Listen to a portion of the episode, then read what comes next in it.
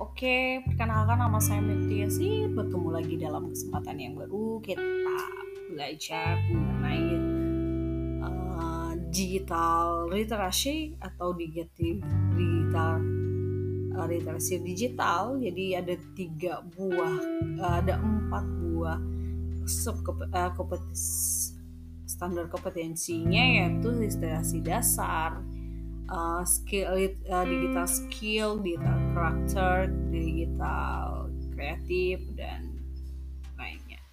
Nah, secara garis besar, literasi digital itu membantu anak-anak zaman sekarang untuk bijaksana menggunakan teknologi di dalam uh, kehidupannya.